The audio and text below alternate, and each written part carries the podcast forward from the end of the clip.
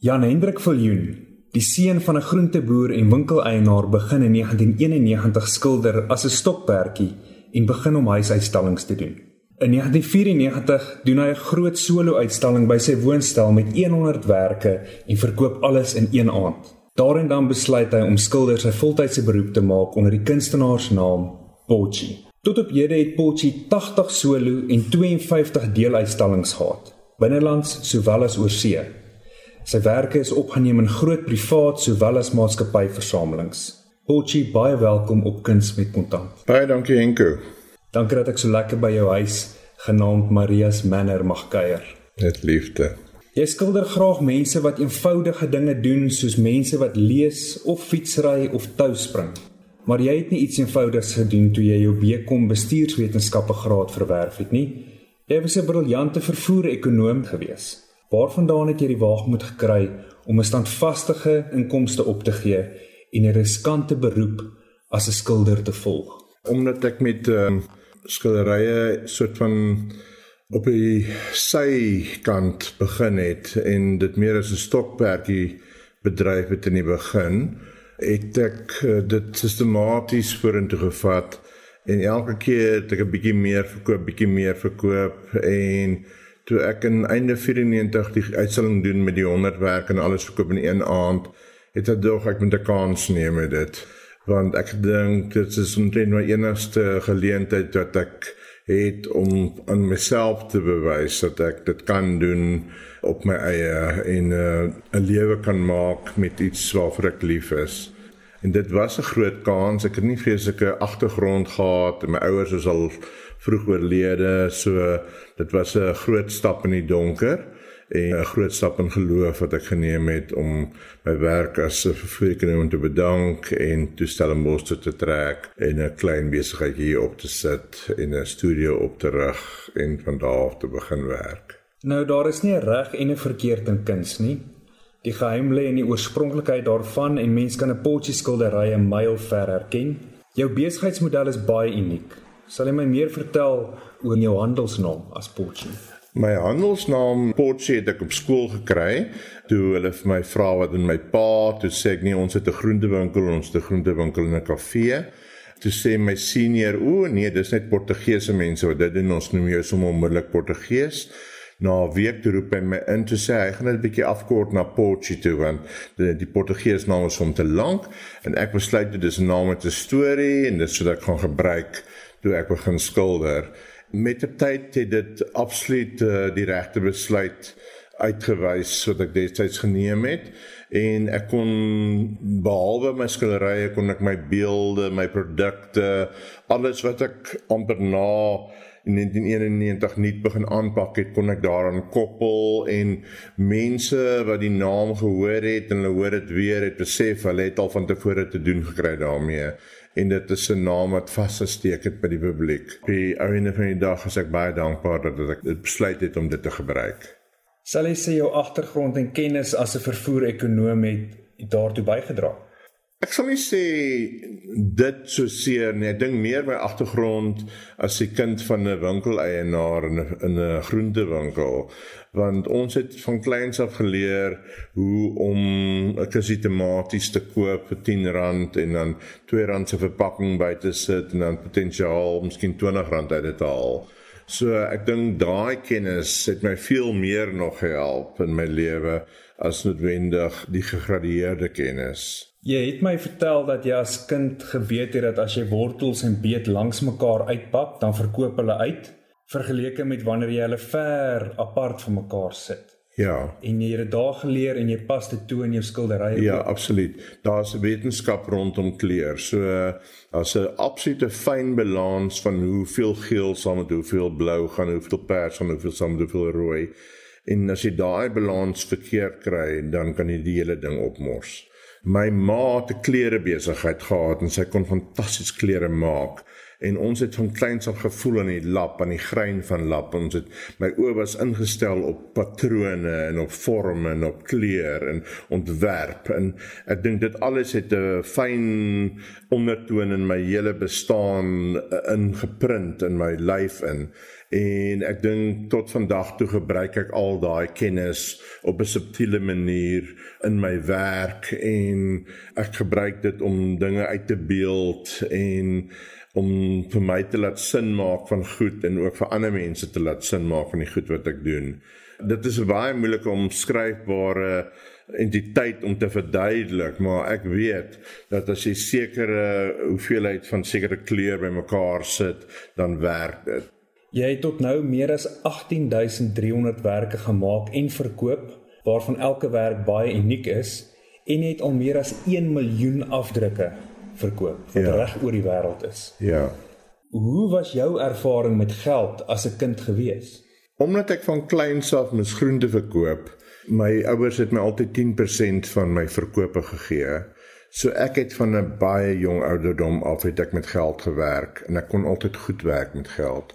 Ek was die een in die huis wat altyd kon spaar om altyd vir almal 'n mooi geskenkie te koop vir verjaarsdag of vir Kersfees omdat ek elke week iets verdien het op my arbeid. Ek kon nog altyd goed werk met geld. Ek kon nog altyd iets spaar om iets by te sit by mekaar en dan later iets groter te doen daarmee. Eh, tot vandag toe spaar ek soveel as moontlik en ek uh, hou daarvan om om met mense saam te werk wat weet hoe om met geld te werk en saam probeer ek vir my iets bymekaar sit vir die ou dag sodat ek nie las is op iemand nie. En 'n mens kan sien dat jy is goed met welvaart beplanning en welvaartskepping want selfs in jou huis sien 'n mens ekspresionisme want jy hou van mooi goed. Ek hou van mooi goed. My hele huis is vol interessante goed van reg oor die wêreld, beelde, objekte, glas, skilderye, matte, meubels en dit vul my gees. My mure het nie plek nie. Hulle is regtig wel vol van die vloer tot op die dak. 'n Vriend van my het gesê as iemand iets vat, sal ek dit onmiddellik sien want daar sal 'n gat sit maar dit is my lekker om na mooi goed te kyk. In elke vertrek want ek sit op verskillende plekke die hele tyd en ek kyk na die mooi goed waar en ek vaskyk. En ek dink dit maak my huis lewendig en interessant vir mense wat by my kom kuier en uh, hulle ervaar warmte en 'n uh, energie in die huis wat baie spesiaal is. Potjie in 2005 16 jaar gelede het ek en my vrou jou as twee verliefde maar arm studente ontmoet daar het 'n regte vriendskap ontstaan. En dit getuig van 'n diep persoonlike verhouding wat jy met al jou aanhangers het. Het jy 'n persoonlike verhouding met jou geld sake? Ja, definitief. Omdat ek uh, van kleins af hard gewerk het en self my sentjies bymekaar gesit het, ek kyk ek ook mooi daarna. Ek is nie suinig nie, maar ek is tog wel spaarsamig. Ek uh, sit die ligte af in my huis en ek kyk waar kan ek ehm um, klein bietjie krag spaar en klein bietjie water spaar. En die geld wat ek uh, gemaak het probeer ek altyd op 'n goeie manier belê by kundige mense en wat weet hoe om met geld om te gaan en dit reg te hanteer. En ek voel gemaklik daarmee en ek glo as jy iets uh, meer het as die gemiddelde dan moet jy ook van dit weggee en jy moet ook uitkyk vir ander. So ek glo streng in die beginsel dat uh, jy kan nie die Here se goedheid uit kanselleer nie. So hoe meer jy gee, hoe meer sal daar vir jou gegee word om te kan gee. In Engels is daar mooi beskrywing wat sê you can't outgive the Lord. En daardeur bevestig jy wat jy vir my 16 jaar gelede gesê het dat alle goeie dinge kom met tyd. Ja, definitief, definitief. En jy moet aanhou, jy weet jy bietjies bietjies maak baie. Ek glo in daardie beginsel. Hou die 10 sente bymekaar, hulle raak later 'n rand, die rande raak 10 rand en 10 rande raak 100, nie 100 raak duisende. Hou maar net aan om hulle bymekaar te sit. Hoe vinniger mens kan begin spaar, Ek het eendag 'n mooi program op die radio gehoor wat hulle vertel het van 'n jong meisie wat by Warren Buffett se vergadering gevra het hoe sy vernoot hoe kan sy meer leer om geld te maak? En hy het vir haar gesê die beste wat hy vir haar kan sê is om die boekie te koop The Richest Man in Babylon. En 80% van die wêreld se ryk mense se welvaart is op dit geskoei. En uh toe ek daardie boekie gaan koop en besef baie van die goedes doen ek al reeds reg maar tog daar's tog 'n paar beginsels wat dit bevestig vir my. Is jy iemand wat elke maand eers spaar en geld wegsit en dan al jou uitgawes dek daarna of is jy soos ander mense wat eers al die uitgawes betaal en dan wat ook al oorbly dit word gespaar? Soms werk jy 4 of 5 maande aan 'n uitstalling en dan verkoop jy 'n klomp werkgelyktyde en dan jy 'n klompie bymekaar en dan sit weer 'n paar droë maande soos jy werk aan nuwe uitstallings toe. So by my werk het nooit so nie dit werk maar op 'n uh, vir 'n jaarbasis of sporadiese basis. Uh, soms het ek 'n groter bedrag beskikbaar dan sit ek 'n bietjie weg en dan sê dit julle paar maande wat jy amper weer alles moet uitsorteer uit daai geldjies wat jy gemaak het en dan kyk jy maar op die einde van die jaar wat is alles oor en dan maar tussenin probeer ek heeltyd bietjie wegsit, bietjie wegsit wat ek kan. En hoe het die COVID pandemie jou besigheid geaffekteer? Dit het ons baie erg geaffekteer want uh, ek het 'n galery op Stellenbosch en hier was absoluut omtrent geen mense nie. So uh, Stellenbosch het tot stilstand gekom.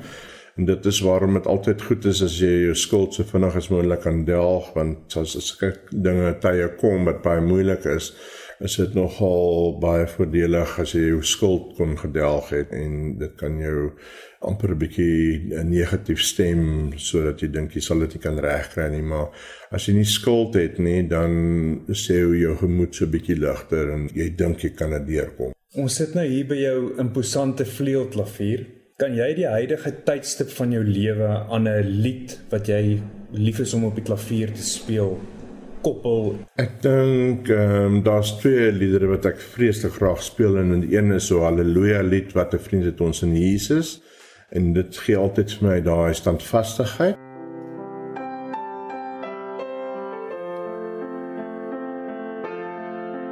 En die ander ene is die onsse Vader. Vir my dit grond my en dit hou my vas op my voete en dit maak my dankbaar. Om die perfekte klere saam te voeg en op 'n skilderdoek te verf soos Potchie dit regkry is vir my ware kuns. Hierdie was nog 'n aflewering van Kuns met Kontant.